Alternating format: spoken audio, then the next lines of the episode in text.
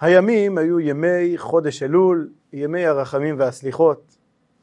אי שם בשטייטל ברוסיה, אה, זוג זקנים שהיה להם פונדק, פונדק דרכים, שאנשים שהיו עוברים בדרכם והיו אה, נוהגים להתארח אצלם, ואחד האורחים קראו לו רבי שמואל מונקס.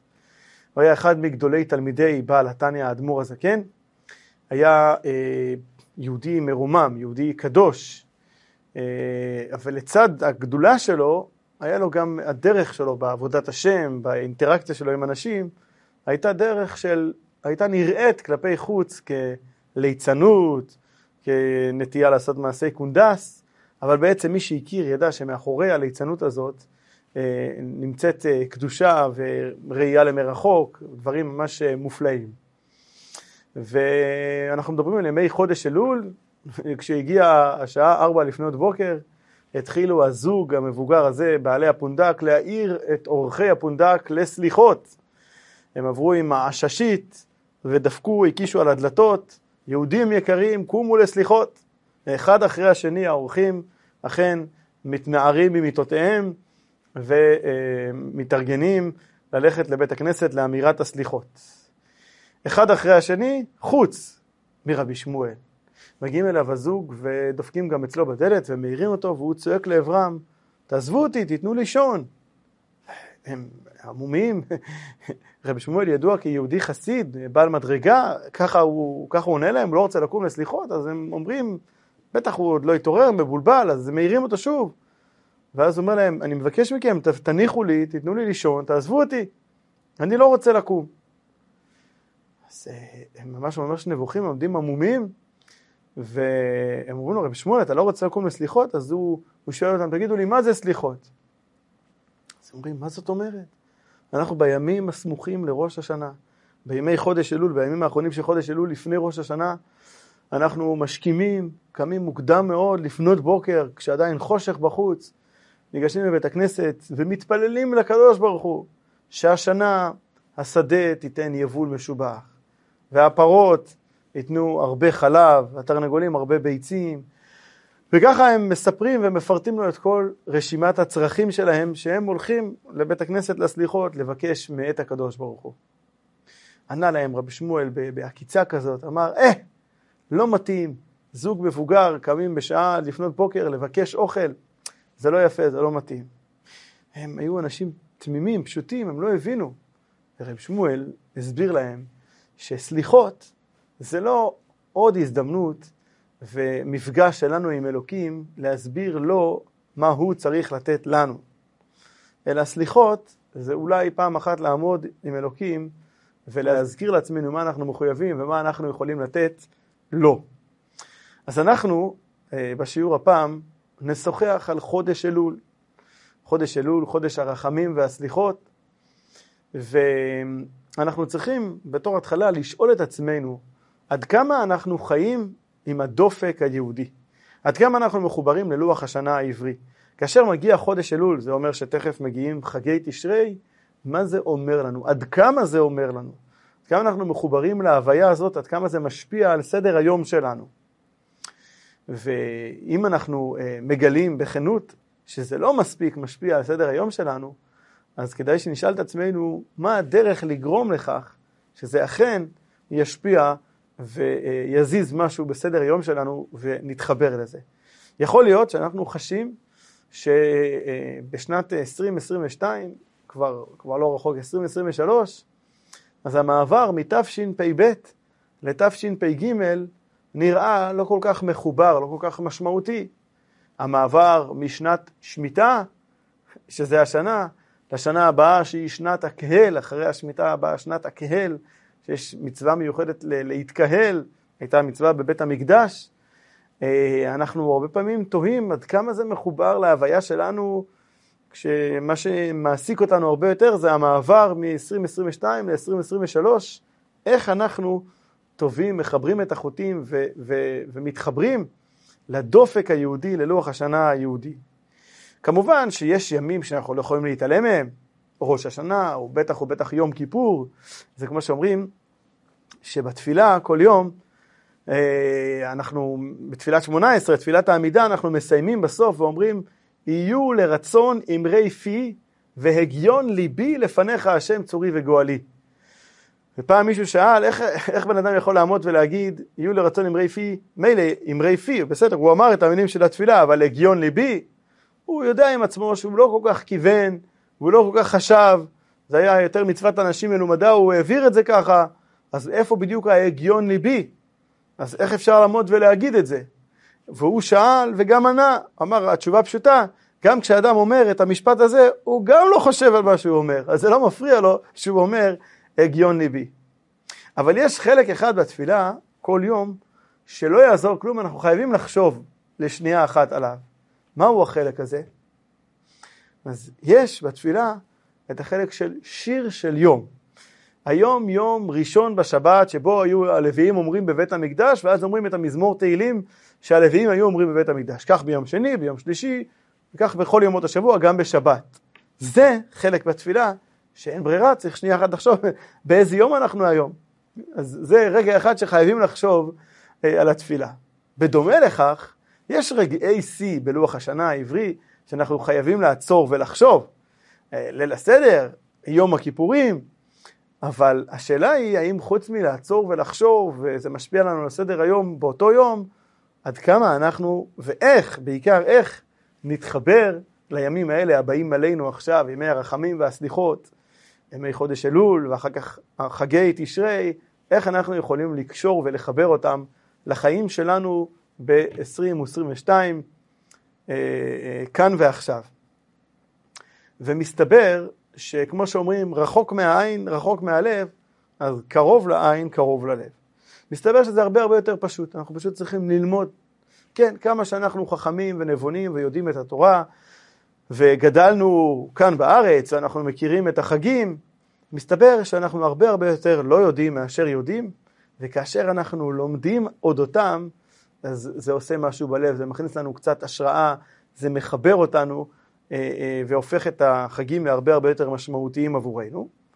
על אחת כמה וכמה כאשר אנחנו לומדים על החגים במימד הפנימי, הנשמתי, החסידי שלהם, על פי הפנימיות של התורה, שבהרבה מובנים, זה כל מה שפנימיות התורה עושה, הופכת תכנים היסטוריים, אה, מיתולוגיים, למשהו מאוד מאוד אישי בחוויה שלי, כאן ועכשיו, בהתמודדויות הנפשיות שלי, בעבודת השם שלי, בחיי המשפחה שלי. התכנים הללו, החגים האלה הופכים להיות משהו שהוא מתחבר אה, בצורה מובהקת לחיים שלי כאן ועכשיו.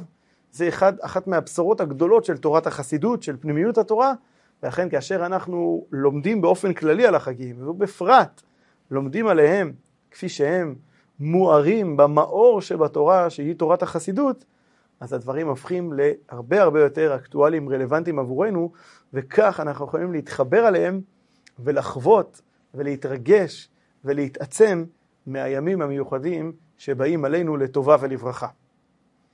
אז כאשר אנחנו מדברים על חודש אלול, אה, בתור אה, מבוא לכל העניין הזה, לכל התקופה הזאת, אז אה, אנחנו יודעים, זה מאוד מאוד מפורסם, הראשי תיבות של המילה אלול, של החודש אלול, אני לדודי ודודי לי.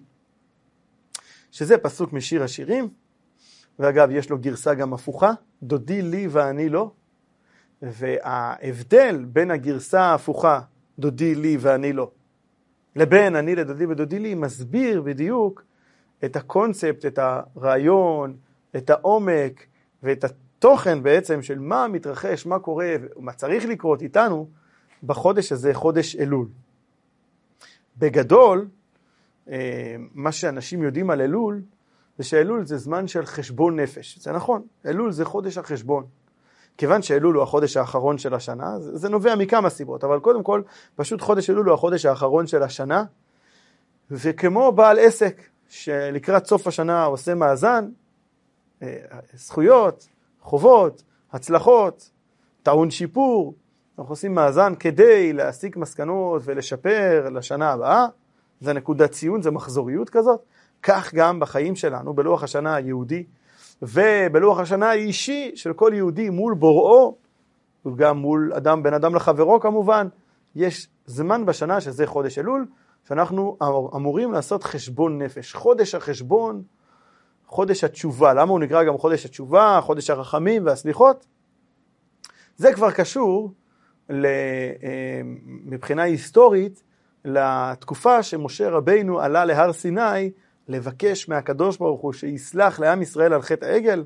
הוא עלה פעם אחת וזה לא הצליח, ואז הוא עלה בראש חודש אלול, הוא עלה והיה שם שוב 40 יום שבהם הוא התחנן ועורר באמצעות 13 מידות הרחמים, רחמים לפני הקדוש ברוך הוא, שיסלח לעם ישראל על חטא העגל, וביום הכיפורים, שזה בדיוק 40 יום מראש חודש אלול, י' תשרי, מראש חודש, מא' אלול, אמר לו הקדוש ברוך הוא, סלחתי כדבריך, ומאז יום הכיפורים נקבע ליום סליחה ומחילה.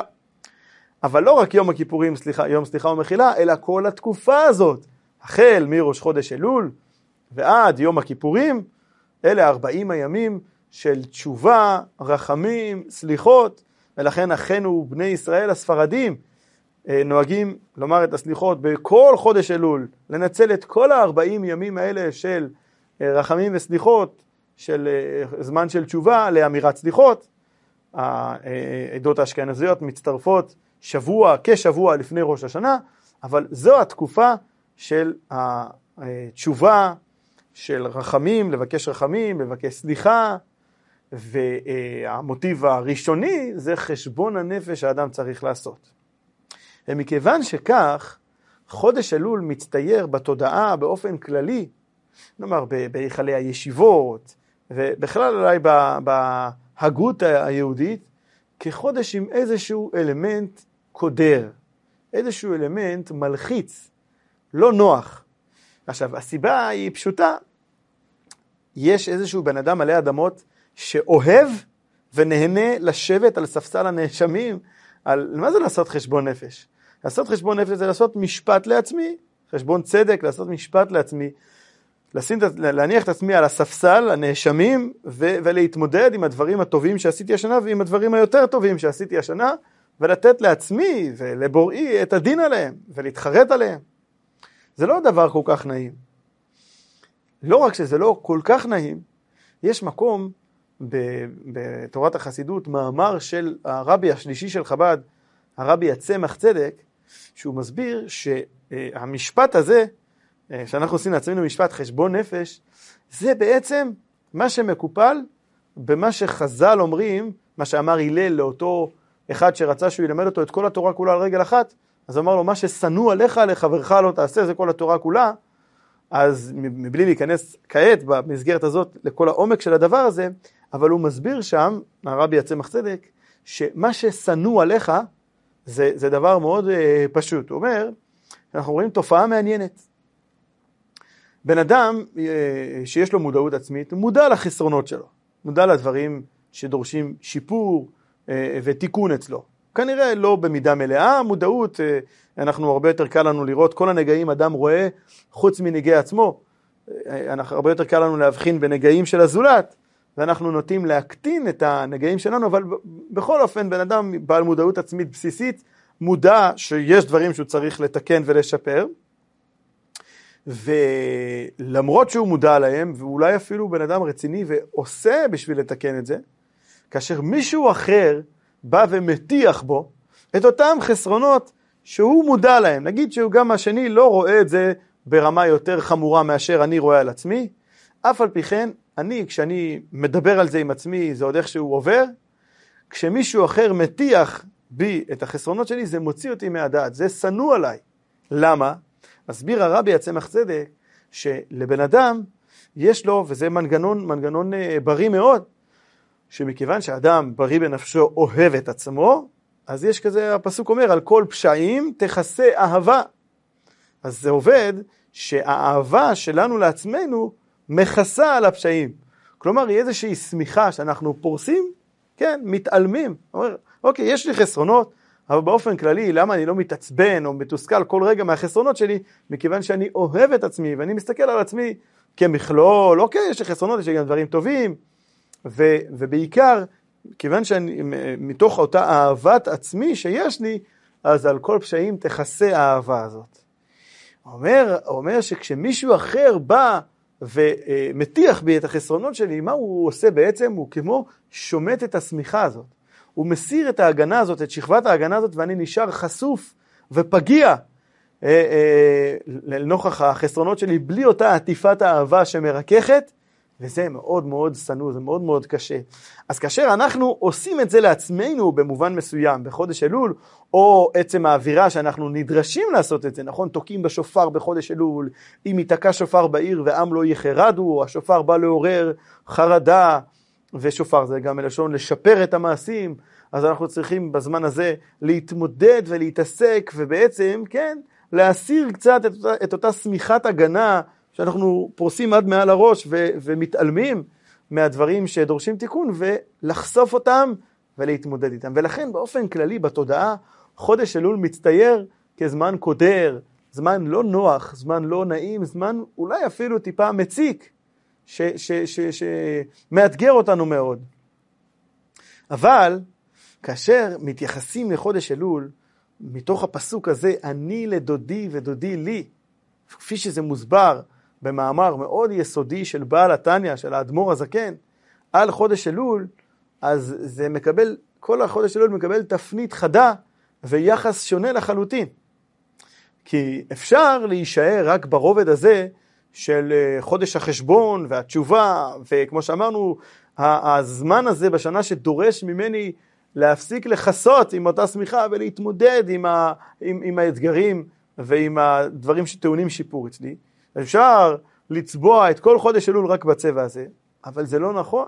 זה לא רק מה שיש בחודש אלול, יש בחודש אלול שכבה עמוקה יותר, ש, שהיא המהות של חודש אלול, שהיא הרבה הרבה הרבה מעל ומעבר לזה, והיא לא רק שהיא לא מביאה איתה אלמנט של אה, אה, כדרות וחוסר נוחות, אלא להפך, זו שכבה שמביאה לחודש אלול נועם, ערבות, מתיקות, תחושה של התחדשות, תחושה של הזדמנות מאוד מאוד מיוחדת. אז צריך להסביר את זה, מה זה בדיוק החודש אלול דרך המילים אני לדודי ודודי לי. כמו שאמרתי מקודם, בשיר השירים כתוב גם דודי לי ואני לא. מה זה בא להדגיש? באופן בסיסי, זה בא להדגיש שהעבודה של חודש אלול, בשונה מתקופה אחרת של השנה, תקופת חודש ניסן והלאה, יציאת מצרים, אז בשונה מהתקופה הזאת, נניח אותה רגע בצד, הדגש בחודש אלול והימים שבאים בעקבותיו, גם תשרי, ובמובן מסוים גם כל חודשי החורף, זה שהתהליך כאן הוא מתחיל מאיתנו. אני לדודי, ואחר כך יגיע ודודי לי, בהמשך נתייחס לפירוט של זה, איפה זה אני לדודי, איפה זה ודודי לי, אבל קודם כל צריכה להיות כאן איזושהי יציאה שלנו מעצמנו, אני לדודי אליו, ואז מגיע ודודי לי. עכשיו, דודי זה אהובי. אז אנחנו באים ואומרים כאן שהיחס בינינו לבין הקדוש ברוך הוא, שבא לידי ביטוי בחודש אלול, הוא לא רק, כמו שאנחנו אומרים בהרבה הזדמנויות אחרות, יחס של אנא עבדא דקודשא בריחו, אני עבד שלו, או יחס של מלך ועם, אלא זה הרבה הרבה יותר מדגיש את, ה, את סוג הקשר שקשור לאהבה, זה שהוא אבינו, לא רק מלכנו, אלא זה שהוא אבינו, ודוד זה אהוב, אז אני לדודי זה אני לאהובי ואהובי לי. אבל כמו שאמרנו, הדגש כאן הוא שבשונה מתקופת חודש ניסן, ששם כל העסק מתחיל להתהוות, ההתנאה של העסק זה מצידו, דודי לי ואני לא. כמו שהיה ביציאת מצרים, שהוא הגיע ונגלה עלינו. ונגלה עליהם מלך מלכי המלכים הקדוש ברוך הוא והוציא אותנו ממצרים. זה לא היה תוצאה או פרי יצירה של איזושהי עבודה והשתדלות שלנו, להפך עם ישראל היו שקועים במ"ט שערי טומאה, נגלה עליהם, דודי לי, פתאום הוא התחיל. בחודש אלול אנחנו צריכים להתחיל, אני לדודי. ועל זה, על העובדה הזאת שאנחנו צריכים להתחיל, אני לדודי, שואל האדמו"ר הזקן, בעל התניא, במאמר שלו, אני לדודי ודודי לי ראשי תיבות אלול, כך מתחיל המאמר, הוא שואל על זה בעצם שתי שאלות. שאלה אחת, הוא מביא מכתבי הארי, שבימי חודש אלול יש התגלות של י"ג מידות הרחמים. מה זה אומר? אה, אנחנו מבינים, נגיד שיום ביום יום שבת, אה, חוץ מזה שהוא היום השביעי בשבוע, זה לא רק עניין טכני, אלא יש ביום הזה קדושה. חג, חגים, חגי ישראל, יש בהם קדושה. אז כתוב בספרי הסוד שכן, בימים האלה יש הערה אלוקית מיוחדת בעולם. בדומה לכך, כתוב בכתבי הארי שבימי חודש אלול יש הערה מיוחדת. איזו הערה מיוחדת? הערת י"ג מידות הרחמים. נכון, הזכרנו מקודם שאלו הימים שמשה עלה להר ו... והשתמש בי"ג מידות הרחמים כדי לעורר את סליחתו של אלוקים, אז זה בעצם דבר שהוא חוזר ונאור מדי שנה. בחודש אלול יש הערת י"ג מידות הרחמים. על זה שואל בעל התניא, שם במאמר שלו בספר ליקוטי תורה, אז הוא שואל אם כך, שיש הערת י"ג מידות הרחמים, אז זה לא אני לדודי, זה עוד פעם, דודי לי, הוא התחיל, הוא מתחיל, יש כאן הערה מיוחדת, הערה מיוחדת ממנו, הוא מתחיל להתניע את התהליך, אז למה אנחנו באים ואומרים באופן כללי שהדגש, ו- ו- וזה גם מה שמחבר את, ה- את הרעיון הפנימי של חודש אלול, עם הרעיון הפשוט והבסיסי יותר שלו, ההלכתי שלו, של התשובה, של החשבון נפש, אז, אז אנחנו אומרים שזה מתאים גם עם הרעיון הפנימי, שזה זמן של אני לדודי, שאנחנו צריכים להיות היוזמים. זה נקרא בשפה של תורת הקבלה איתרותא דילטטה, שזה מתחיל מאיתנו. אז שואל האדמו"ר הזקן, אם זה אמור להתחיל מאיתנו, אז מה זה ההערת י"ג מידות הרחמים שיש בחודש אלול? זה הרי בטוח עושה משהו, אז זה שוב איזשהו נגלה עליהם. זה שוב, לכאורה, דודי לי ואני לא. הוא מתחיל, הוא מתניע את התהליך באמצעות הערת י"ג מידות הרחמים. אז איך זה מסתדר עם ההנחה שלנו שאלול זה זמן של אנחנו צריכים להיות היוזמים? זו שאלה אחת. שאלה שנייה שהוא שואל, אם יש כבר הערת י"ג מידות, מידות הרחמים, אתם יודעים באיזה עוד יום בשנה יש הערת י"ג מידות הרחמים? נו, באיזה יום אנחנו חוזרים ואומרים את זה הרבה פעמים בתפילות, בעיקר בתפילת נעילה, כן? יום כיפור. ביום הכיפורים זה יום שיש בו הערת י"ג מידות הרחמים. אז אם גם באלול יש י"ג מידות הרחמים, אז אלול, כל החודש, היה צריך להיות לפחות כמו שבת, לפחות כמו חג במובן הזה של שביתה ממלאכה, של מקרא קודש. הרי מה הופך יום שבת או יום חג ליום שדורש מאיתנו לשבות ממלאכה, להתרומם מעל ענייני החולין, זה עצמו שיש גילוי מיוחד של אלוקים בימים הללו. זה דורש מאיתנו לא להישאר עסוקים בענייני החולין שלנו, אלא לשבות מהם, ולכן על פי החשבון הזה, על פי ההיגיון הזה, היה צריך להיות שכל ימי חודש אלול יהיו ימי אה, שבתון, ימי חג במובן הזה של אה, מקרא קודש. והרי זה לא ככה, חודש אלול זה מימות החול, ויש הבדל גדול, ברור שיש הבדל גדול בין יום כיפור לבין כל יום מימי חודש אלול. אז מה ההבדל? מה מסביר? למה? למרות שיש הערת י"ג מידות הרחמים בזמן הזה של חודש אלול, למה למרות זאת עדיין אנחנו טוענים שאלול זה התערותא דילתתא, זה אני לדודי, ועדיין אנחנו לא אומרים שימי חודש אלול יהיו ימי מקרא קודש, ימי שביתה ממלאכה, אלה הם ימים רגילים. על שתי השאלות הללו מביא האדמו"ר הזקן את המשל המפורסם שהיום מצוטט בכל כך הרבה מקומות, המשל של המלך בשדה. חודש אלול זה זמן שהמלך נמצא בשדה. מה הרעיון בצורה הכי הכי פשוטה? זה בא כתשובה לשאלות האלה. זה, זה בדיוק הרעיון של המשל של המלך בשדה, מספק את התשובה לשתי השאלות שבעל התניא הניח כאן. איך זה עובד? הרעיון הוא פשוט.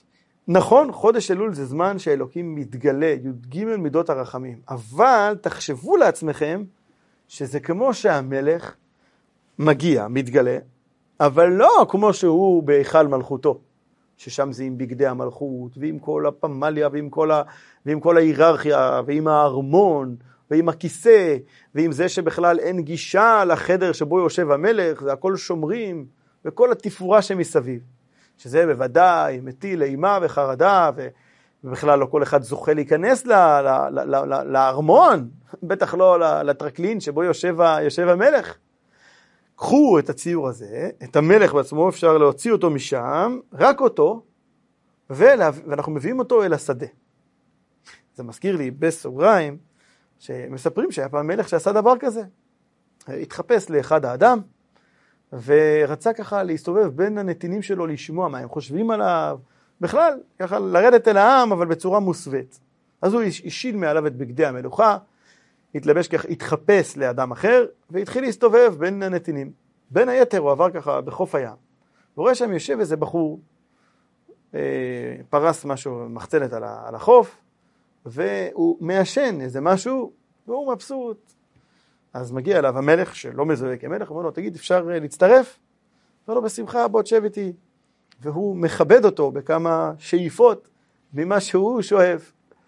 ובשלב מסוים המלך המוסווה נמצא בהיי, והוא ככה אומר לו, תקשיב, אנחנו עכשיו ככה ברגע של גילוי לב, אני רוצה לספר לך סוד, אבל בבקשה אל תספר אותו לאף אחד, זה רק ביני לבינך, ככה אירחת אותי כל כך יפה, אז תדע לך שאני המלך, אני פשוט התחפשתי למישהו אחר, אבל אני המלך. ו- וממש לי במחיצתך. אז ההוא שאירח את המלך מסתכל עליו ככה ואומר, חומר טוב מה שנתתי לך, אה? אז, אז תחשבו על הציור הזה שהמלך, אה, אה, אנחנו מבודדים רק אותו מתוך כל התפאורה הזאת, ואנחנו לוקחים אותו לשדה. וכשהמלך נמצא בשדה, אז מה שמשתנה באופן דרמטי מיידי, שמיים וארץ בין המציאות שלו בארמון לבין המציאות שלו בשדה, זה הנגישות. מהרגע שהוא מגיע לשדה במטרה הזאת של לרדת אל העם, הוא נגיש לכל אחד. בארמון, מי יכול להגיע אליו? רק אנשים גדולים, אנשים חשובים, שרים, העוזר האישי שלו, אנשים הכי הכי קרובים אליו, המשפחה שלו. אבל בשדה, במשל הזה, כל הרעיון של ההגעה שלו לשדה זה להיות נגיש לכולם. כל אחד, הפשוט שבפשוטים יכול לגשת אליו, והוא מקבל את כולם בסבר פנים יפות, ומראה להם פנים שוחקות, ככה אומר שם בעל התניא במשל, והוא נענה לבקשות שלהם. בנמשל, המשמעות היא שבחודש אלול, אלוקים רוצה להיות נגיש לכולנו. בדרך כלל, או יש זמנים, נגיד ראש השנה יום כיפור, זה תלוי במעמד הרוחני של האדם. ודאי שאדם במעמד רוחני גבוה יותר, אז הוא, הוא, הוא, הוא, הוא מגיע להישגים גדולים יותר בראש השנה, ביום הכיפורים, הוא מתקרב יותר אל המלך. ימי חודש אלול זה ימים שבהם אלוקים רוצה לתת צ'אנס שווה לכולם ונגישות מלאה, לכן הוא מגיע אל השדה, הוא נגיש לכולם. מה המחיר ש, ש, שצריך לשלם כיוון שהוא נגיש לכולם? זה, זה לא, הנגישות לכולם לא הולכת ביחד עם כל התפאורה ועם הארמון. בארמון הוא לא יכול להיות נגיש לכולם. הנגישות באה עם ירידה במדרגת התפאורה, הפאר, ההדר, ובעצם ירידה בעוצמת ההשפעה של המלך על, על, על הסובבים אותו. יש, יש ירידה בהחלט, אי אפשר להשוות את עוצמת ההשפעה של המלך כפי שהוא ב, ב, ב, ב, במצב הצבירה הזה בשדה, לעומת המצב של המלך כפי שהוא בארמון מלכותו. זה לגמרי משהו אחר. אז יש פה יתרון וחיסרון. היתרון זה הנגישות לכולם, כולם יכולים לגשת אליו עכשיו. בנמשל, כמו שאמרנו, זה מאפשר הזדמנות גם לאנשים רחוקים, רשעים. כל אחד מעם ישראל בחודש אלול יכול לגשת אל המלך. אז זה היתרון של, של המלך בשדה. החיסרון, במובן מסוים, זה שההשפעה שלו היא פחות עוצמתית. וזה שההשפעה שלו פחות עוצמתית, זה התשובה לשתי השאלות. מכיוון שההשפעה שלו פחות עוצמתית, אז לכן, כדי לייצר כאן את האינטראקציה איתו, כדי לנצל את המפגש הזה, כדי ליהנות מההזדמנות הזאת, צריך להיות אני לדודי. כי יכול להיות מצב שהמלך מגיע לשדה, ויש איזה בן אדם שהוא כל כך מנותק, שהוא ממשיך לחרוש ולזרוע בשדה במקום לקבל את פני המלך. נדרשת מהאדם המינימום, המינימום של יציאה מעצמו, של יציאה מאזור הנוחות שלו, לעזוב את המחרשה רגע ולקבל את פני המלך בשדה, זה נדרש מהאדם. אם בן אדם מוצא את עצמו פתאום נוחת לתוך ארמון המלך, אז, אה, אה, והוא פוגש את המלך במלוא, במלוא הדרו, הוא לא, זה בכלל לא בבחירתו, הוא כופה מרוב פחד ואימה מכל מה ש... מהעוצמה של המלך. את זה אין בשדה. לכן, זה אני לדודי, היוזמה היא שלנו. זה לא מופע כזה של המלך שהוא דודי לי, שזה משהו שאני בכלל לא יכול אה, לעמוד בפניו. זה המלך בתצורה כזאת שאני יכול לעמוד בפניו, כביכול אני יכול להגיד יאללה זה לא, זה לא מושך בכלל, זה לא, זה לא מרשים. ולכן זה אני לדודי. ולכן גם זה יום חול ולא מקרא קודש. כאשר המלך הוא בהיכל מלכותו, אז זה באמת, זה דורש, בשביל להגיע לשם, זה דורש להיות מהיחידים, מה, מהמובחרים שבעם, מהיחידי סגולה, זה דורש ביגוד אחר, יש לזה אה, אה, המון המון המון אה, אה, אה, משמעויות אה, כדי לייצר את המפגש הזה עם מלך. זה לא יכול להיות אני as is, כמו שאני עכשיו באמצע יום חול, אה, אה, נוחת ב, ב, בלב ליבו של ארמון המלך אל מול המלך. זה, זה דורש יציאה לגמרי מכל המציאות היומיומית שלי. לעומת זאת, כשהמלך מגיע לשדה, זה בדיוק הקטע, שזה מאפשר את המפגש איתו במצב היומיומי והרגיל שלנו. זה בדיוק החידוש של חודש אלול. כאשר אנחנו מתבוננים בזה, במשל המופלא הזה של המלך בשדה, ואנחנו מתייחסים לאלול, ממש ממש לא כראשי תיבות, יש כאלה שאומרים, אוי לי ואבוי לי, זה זמן של חשבון נפש, ואוי ואבוי, זה מכניס אותי למצב כזה של חוסר נוחות ואולי אפילו דיכאון. כאשר אנחנו הופכים את המבט ומתייחסים לחודש אלול כאני לדודי ודודי לי, שאלוקים נמצא כאן קרוב אלינו, לא משנה באיזה מצב אנחנו, לא משנה מה המדרגה הרוחנית שלנו, הוא נגיש, הוא קרוב, והוא מזמין אותנו. אז כל, כל הסיפור הזה משתנה. אני לא הולך לשבת על ספסל הנאשמים בפני איזה בוס קשוח. אני הולך לנצל את ההזדמנות הפנטסטית שנקרתה בפניי להתקרב אל אבי, אל האבא שלי, שהוא גם מלך גדול, אבל עכשיו מה שאני חש זה את הקרבה אליו ואת ההזדמנות להתקרב, להתרומם. הרי כל אחד עמוק בפנימ, בפנימיותו רוצה להתעלות מבחינה רוחנית. ודאי שיש בנו מצד הנשמה שלנו שאיפה עמוקה כזאת. אז חודש אלול הוא חודש של הזדמנות, של הזדמנות מיוחדת, מתוקה, נעימה ומשמחת מאוד. חודש אלול זה חודש שמח ביותר, חודש של קרבה, חודש של יכולת, של הזדמנות, חודש של היכולת שלנו לשים מאחור את הדברים שהיו לא כל כך טובים השנה ולפתוח דף חדש באמת, באמת באמת, זה לא לשבת על ספסל הנאשמים מול מישהו שהוא עוין אותנו, אלא להפך, להיעזר, להיעזר באבא שלנו להתקדם, לזכות להתקדמות אמיתית משמעותית בחיים שלנו עם עצמנו ולהתכונן לכתיבה וחתימה טובה לשנה טובה ומתוקה, שנזכה שכך יהיה לנו בקרוב ממש.